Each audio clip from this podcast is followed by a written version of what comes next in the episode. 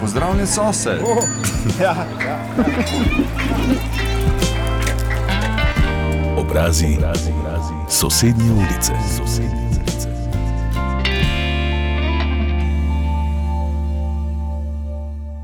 Zgodovinarka dr. Mateja Rate je zaposlena na Inštitutu za kulturno zgodovino Znanstveno-raziskovalnega centra Slovenske akademije znanosti in umetnosti.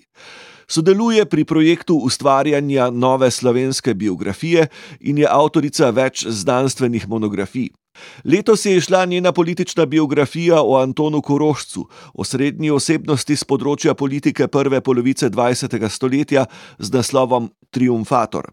Kmalo pa se obeta izid dela, ki bo spregovoril o nasilju v družinah oziroma nad intimnimi partnerji v 20. in 30. letih minulega stoletja.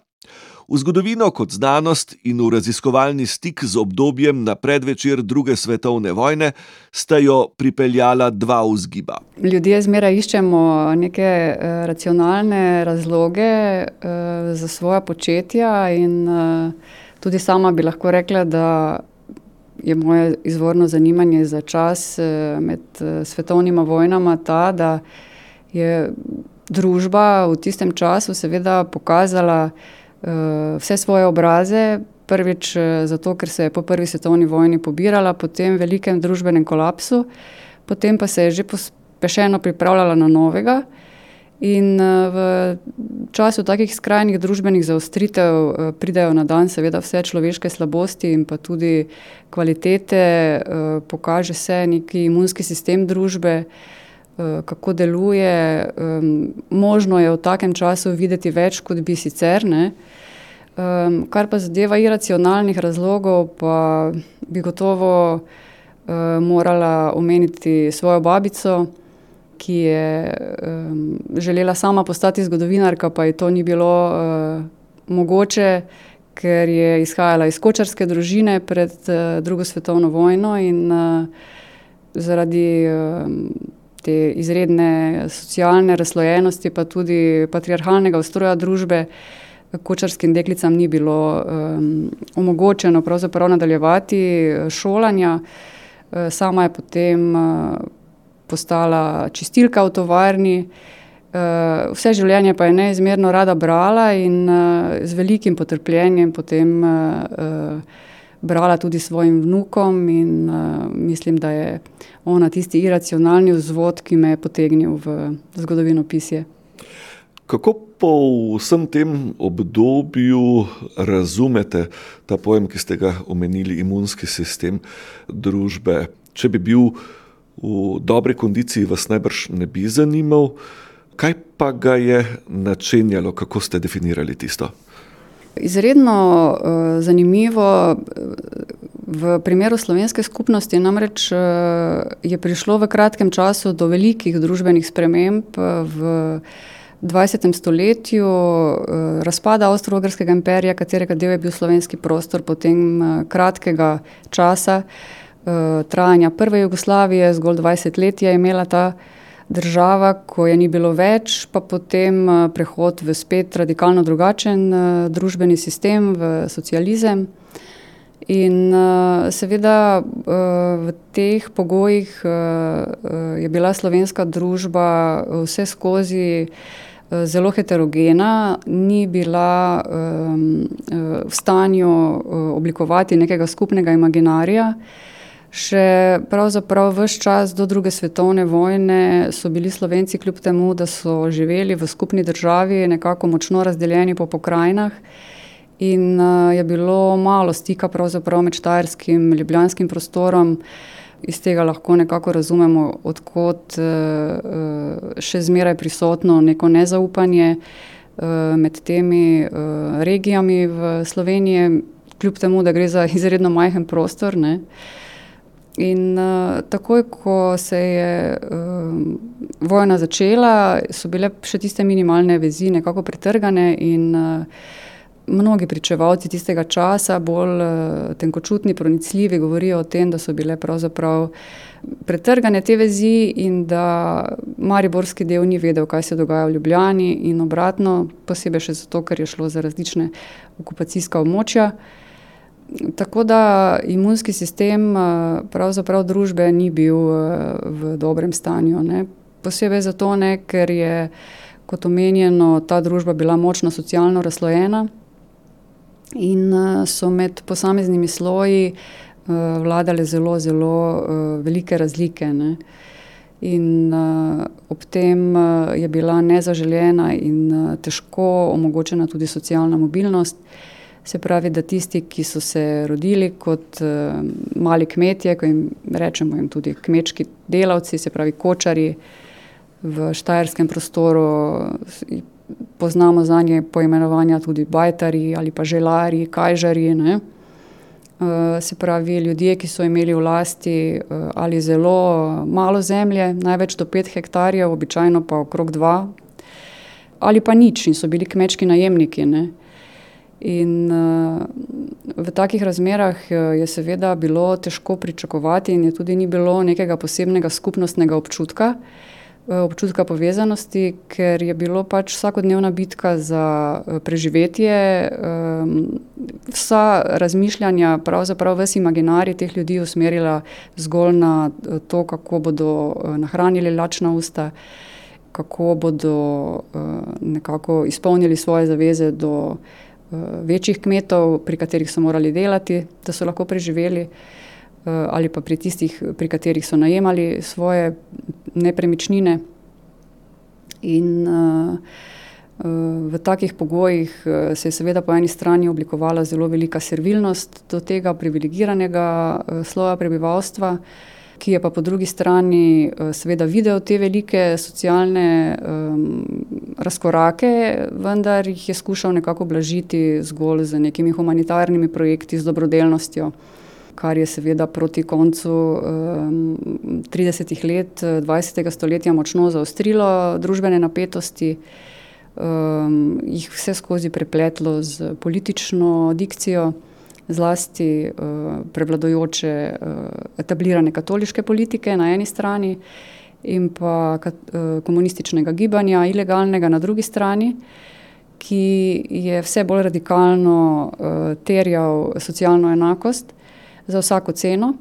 Uh, predvsem zato, ker na drugi strani etablirana politika uh, ni prihajala z uh, konkretnimi rešitvami socialnega vprašanja, temveč zgolj z nekimi kozmetičnimi popravki, oblikovanjem dobrodelnih društev uh, in tako naprej, uh, s čimer je pravzaprav uh, javni prostor uh, hranila z nekimi obliži. Uh, ne pa z nekimi korenitimi spremembami. Ne. Tako da ni nenavadno, da je potem eh, med drugo svetovno vojno eh, so tudi tisti, ki niso bili pristaši komunističnega gibanja in niso bili pristaši radikalnega reševanja družbenega vprašanja, seveda vsi brez izjeme govorili o tem, da mora družba po vojni zafunkcionirati v večji socialni pravičnosti. Ne. Uh, sedaj, kako jo pa doseči, pa je seveda drugo vprašanje. Ne? In uh, če poznamo vse te kontekste, moramo seveda ugotoviti, da nimamo danes, današnjega vidika, kot neki oddaljeni opazovalci, nikakršne pravice po tem, da sodimo uh, dejanja pravzaprav ljudi tistega časa, zgolj ga lahko um, poskušamo razumeti v vsej tej kompleksnosti. Uh, in se iz, te, in se iz njihove uh, situacije naučiti, da uh, družbena kompleksnost seveda uh, nikoli ne ponuja enostavnih odgovorov. Ne? Enostavnih odgovorov na razreševanje nakopičenih socialnih in drugih stisk v družbenem okolju ni. Če pa odgovori že zvenijo enostavno, potem pa žal pogosto po bližnjici pripeljejo v spiralo hudega. Doktorica Mateja Ratej. Enostavne odgovore so seveda iskali tudi v tistem predvojnem času, eh, na Štajerskem, predvsem v hitlerizmu. Eh, Hitlerjeva politika je bila tista, ki je eh, na ta, kot bi danes rekli, populističen način poskušala presekati ta velika družbena nasprotja, velike antagonizme, ki so praktično um, se kazali kot nerešljivi, ne, brez konflikta. Uh, Nažalost je že zmeraj tako, da se um, človeštvo ni naučilo razreševati velikih družbenih antagonizmov drugače kot silo, z vojno. To danes ponovno gledamo. Ne? nekaj, kar se nam je zdelo še pred desetletjem popolnoma nemogoče. Mislili smo, da je družba 21. stoletja odporna na vojaška nasilja, v velikem obsegu pa ni. Ne? In ravno pred nekaj dnevi sem imela v rokah delo zelo pronicljive slovenske pravnice predvojne Katje Vodopivec, med drugim matere zgodovinarja Petra Vodopivca in uh, babice zgodovinarke Nine Vodopivec. No, ona je zelo veliko razmišljala, seveda kot uh, otrok uh, te predvojne družbe in hči bankirja, se pravi privilegiranega sloja. Je že zgodaj kot otrok opazila tiste premrzle uh, otroke, ki so upili za njima z očetom, ko sta odhajala iz kakšnega sejma, ponujali uh, šibe. Uh, In uh, zdelo se je ne mogoče, kako ti otroci so enaki kot jaz, pa vseeno so lačni, prosjačijo, kako je to mogoče. Ne? In uh, tako se je sama izredno uh, zauzemala za to socialno pravičnost skozi vse svoje življenje. In vendar je potem uh, umrla leta 2012, uh, potem ko je spremljala slovensko državno osamosvojitev in kasneje ugotavljala, da se generacije uh, Eh, pravzaprav ničesar ne naučijo od prejšnjih generacij, da ne delujejo in ne razmišljajo evolutivno. Ne? In da je pravzaprav človek, eh, človeška slabost ta, da, eh, da grabi, da grabi zase in da ko si nagrabi materialne dobrine, ni pripravljen puščati, popuščati. Ne? In se to vse skozi ponavlja. To je vzorec, ki eh, ga človeštvo še ni preseglo in vprašanje, če ga kadarkoli bo. Mateja Rate, pred dobrim letom sva govorila o delu eh, svastika na pokopališkem zidu. Obravnavate čas pričakovanja, eh, v katerem naj bi se neko kaotično stanje dokončno uredilo, uredilo z delom zgodovinskega spomina na Avstro-Ogrsko. Vemo, v kakšnem stanju je to okolje pričakalo vse tisto, kar je eh, sledilo. Pa me zanima, ali je še danes morda opažate v nas kaj dediščine tistega časa? Ja, seveda. V času, ko se ta uh, družbeni prostor ponovno preoblikuje, v času nekega paca imaginarija, uh, ki je bil spostavljen po drugi svetovni vojni na nekih uh, temeljih antifašizma, norme enakosti, socialne pravičnosti, um, je potem uh, družbe prehajale zmeraj bolj v neke skrajne oblike potrošništva, ki je seveda uh, močno uh, okrnilo vse te uh, vrednote, ki so bile vzpostavljene na podlagi velikih uh, in traumatičnih izkušenj dveh svetovnih vojn. Smo danes nekako v zelo podobnem položaju in uh, kam gledajo Štajerci, ponovno proti severu. Ne? ne samo, da se vozijo eh, v Avstrijo v službo, ampak eh, boste na ulici mnoge med njimi slišali, kako bi bilo bolje poskrbljeno v socialnem smislu, ker to, da je nekdo socialno preskrbljen, je pravzaprav tisto temeljno za vsakega človeka in pred političnim stališčem. Politična, pravzaprav diskurzi in stališča so zgolj tista, ki te uh, kolektivne sentimente zberejo na kup in jih nekako vnovčijo v javnem prostoru. In uh, uh, tako kot se je zgodilo v času pred drugo svetovno vojno, ko so se ti uh, sentimenti, uh, neka nostalgija iz časa Avstro-Ogrske. Potem nekako pretočila v hitlerizem, tako lahko tudi danes pričakujemo, da se bo slejko prej našel kdo, ki bo bolj uspešno od obstoječih eh, patriotov, Šiškov in podobnih eh, predstavil koncept eh, drugačne prihodnosti tega prostora. Ne.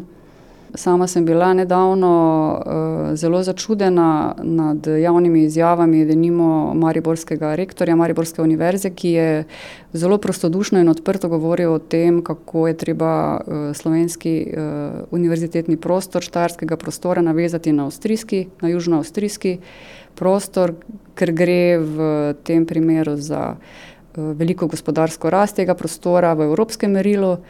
In, uh, se mu je zdelo povsem um, samoumevno, da se tudi Mariborska univerza uh, v temeljih naveže na to uspešno gospodarsko zgodbo Južne avstrijske južne Štajerske. Ne.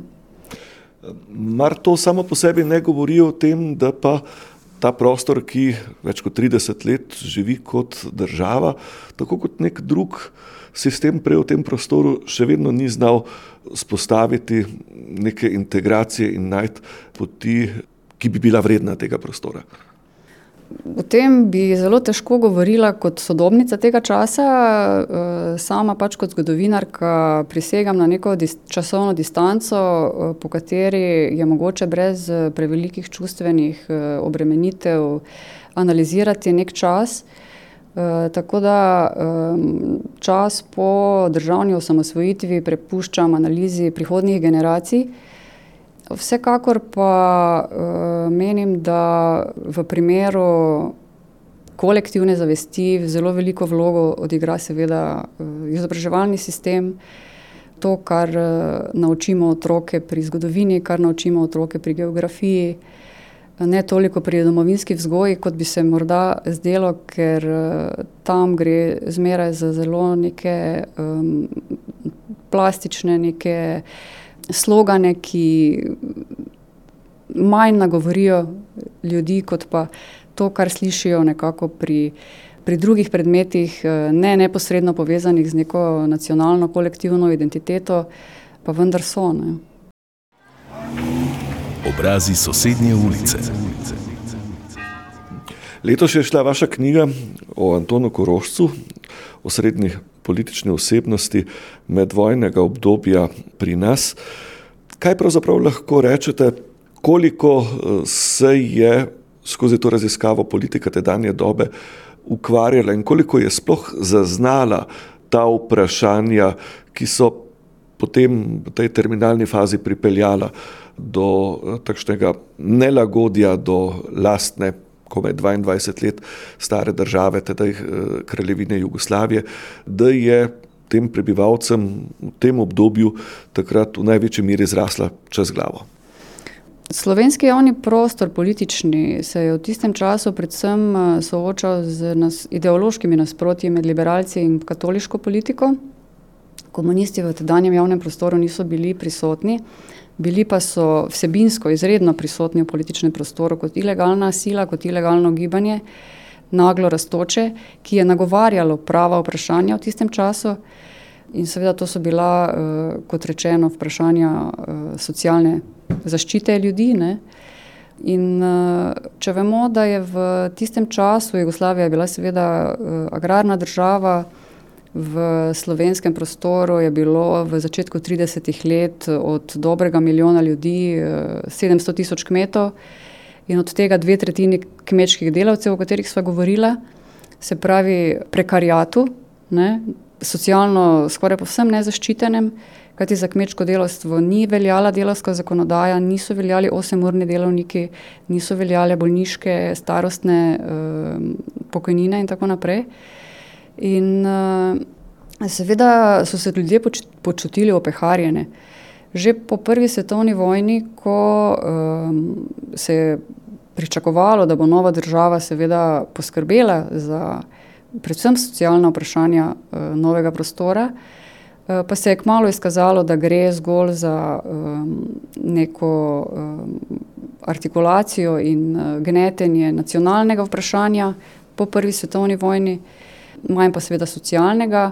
Uh, se je počasi, počasi, zlasti pa v 30 letih in pa v drugi polovici 30. leta dogajal ta idejni obrat, ko so se pravzaprav ti uh, kmečki delavci vse bolj uh, obračali ob seveda aktivnem uh, terenskem delu komunistov na to um, torej levo komunistično stran in uh, ni presenetljivo, da je uh, radikalna sprememba družbenega sistema po drugi svetovni vojni lahko uspela. Ne, ne bi uspela, če bi šlo za dejanje na mah, ne, ker pa je šlo predtem vsaj za desetletno intenzivno delo med ljudmi in za obet, seveda, večje socialne pravičnosti. So si seveda komunisti najprej zagotovili množično udeležbo v odporniškem gibanju, ki nikoli ne bi postalo množično, če ne bi ob osvoboditvi izpod okupatorja vsebovalo tudi zaveze o socialni revoluciji. potem lahko seveda razumemo to res korenito spremembo družbenega sistema in morda prav za nikogar tako veliko, kot ravno za ta sloj kmečkih delavcev, za ta prekarijat. Ne.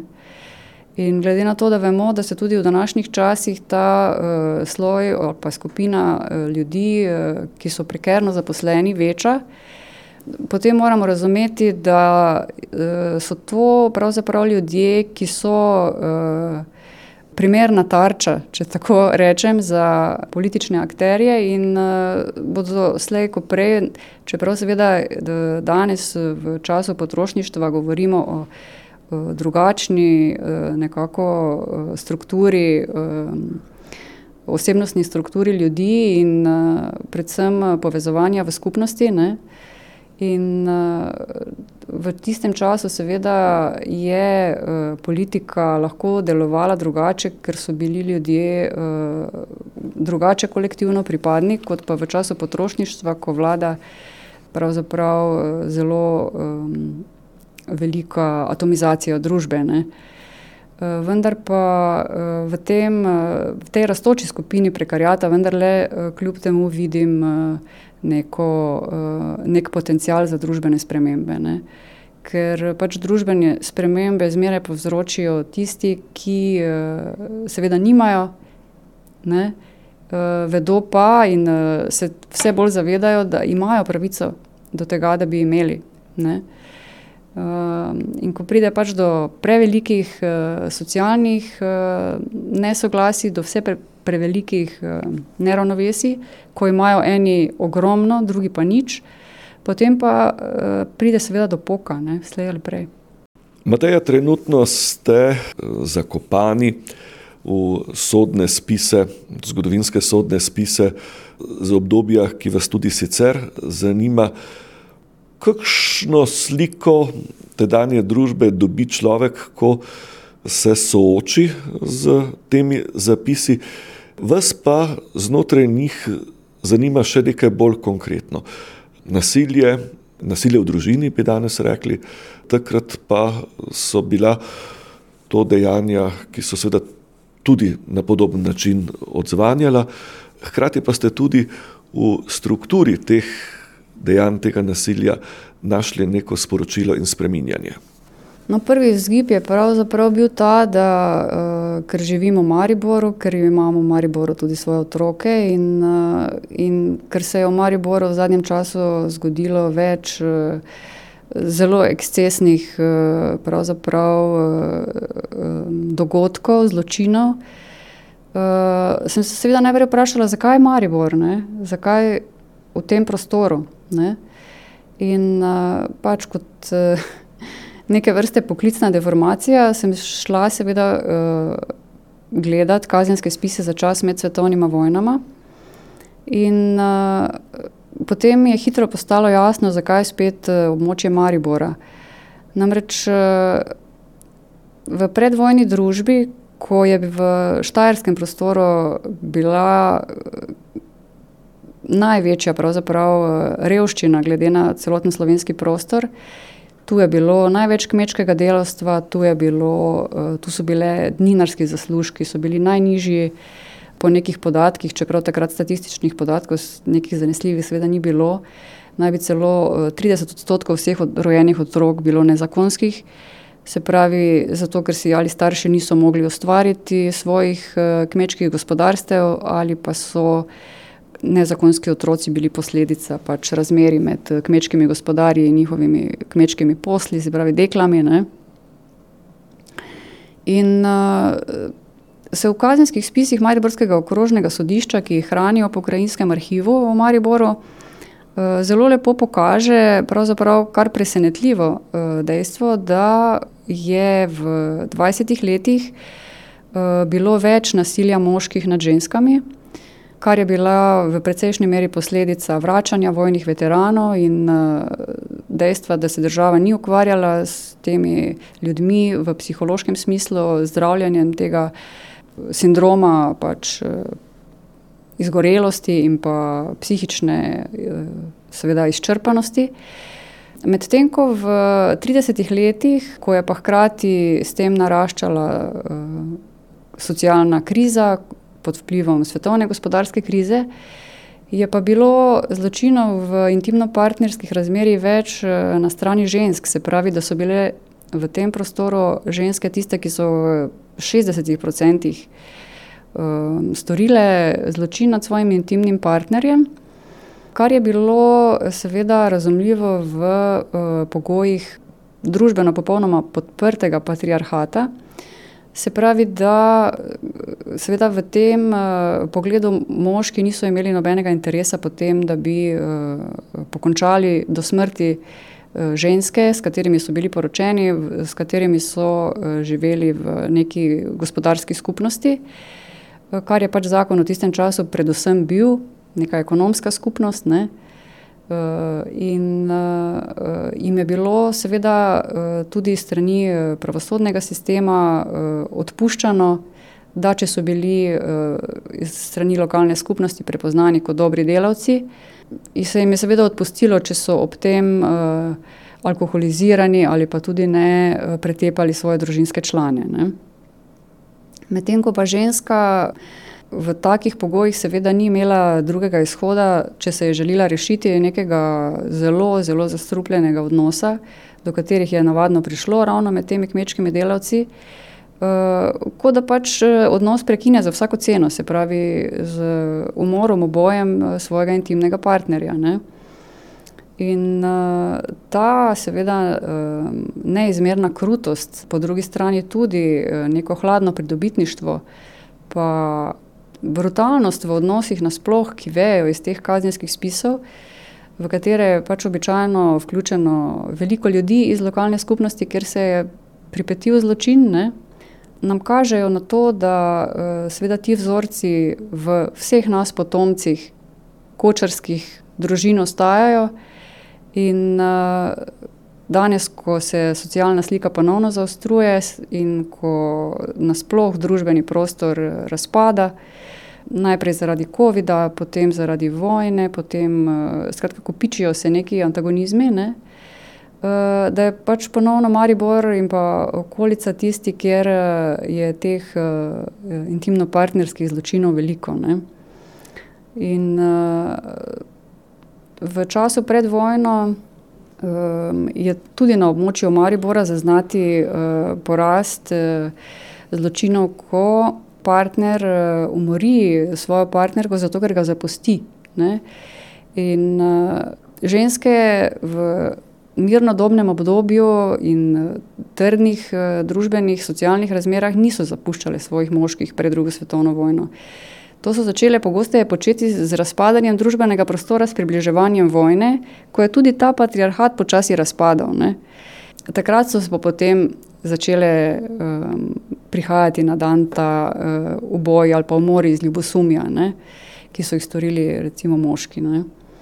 Tako da um, nekako, če sklenem in povežem, uh, zmeraj je prihajalo do nasilja v intimno-partnerskih zvezah, takrat, ko sta se srečala patriarhat in pa prekarjat. Ne. Kajti prav vsi, uh, mislim pa, da jih v knjigi, ki prihaja, obravnavamo okrog 30 primerov ženskega nasilja nad moškimi, prav vsi izhajajo iz tega sloja kmečkega delavstva. Ne? Zlasti tudi uh, viničarskih družin. Viničari so bili v tistem času še slabše preskrbljeni, nekako v polfeudalnem odnosu s svojimi eh, lastniki vinogradov, v katerih so živeli, ne? sami niso imeli vlasti ničesar. Tu so bile pravzaprav razmere um, na meji zamisljivega, živeli so praktično samo eno obleko, bosi, zaudarjajoči, recimo smrad, von uh, je bil eden od pomembnih ločnic med tistimi, ki so nekaj imeli in tistimi, ki niso imeli nič, in je tudi zagotavljal močno socialno distanco. Ne? otroci, eh, praktično neizobraženi, eh, leto, dve eh, ljudske šole, se pravi osnovne šole, kradli osnovne življenjske potrebščine, v času, ko je bila zima, sploh niso hodili v šolo. Ne. Vode običajno v bližini teh viničarskih bivališč tudi ni bilo, prinašali so jo do pol ure hoda, stran od doma, ne. izredno prisoten alkohol, In uh, razmere so se pravzaprav za te ljudi po drugi svetovni vojni zelo korenito spremenile. Ne. Obrazi sosednje ulice. Pojasnjen spomin na razmere v obdobju med obema vojnama bi lahko bil živ opomnik politiki za soočenje s socialnimi stiskami, ki so v preteklosti že pripeljale do trpkih in hudih okoliščin neslutenih razsežij. Mateja Ratej še dodaja. Mislim, da je poglabljanje socialnih razlik tista bistvena stvar, ki bo ponovno privedla do velikih družbenih konfliktov. Zlasti zato, kot rečeno, zaradi te univerzalne človeške slabosti, pograbljanju materialnih dobrin, ki jih tisti, ki ima, ni pripravljen spuščati. In na drugi strani neke amorfne množice, vedno več tistih, ki pa nimajo nič. Ne. In ob naraščajočih drugih družbenih konfliktih, kot so v današnjem času okoljska kriza, pa spreminjanje svetovnega reda, je pričakovati tudi v slovenskem prostoru večje družbene zaostritve v perspektivi desetih let. Recimo, Obrazi sosednje ulice. Sosednje.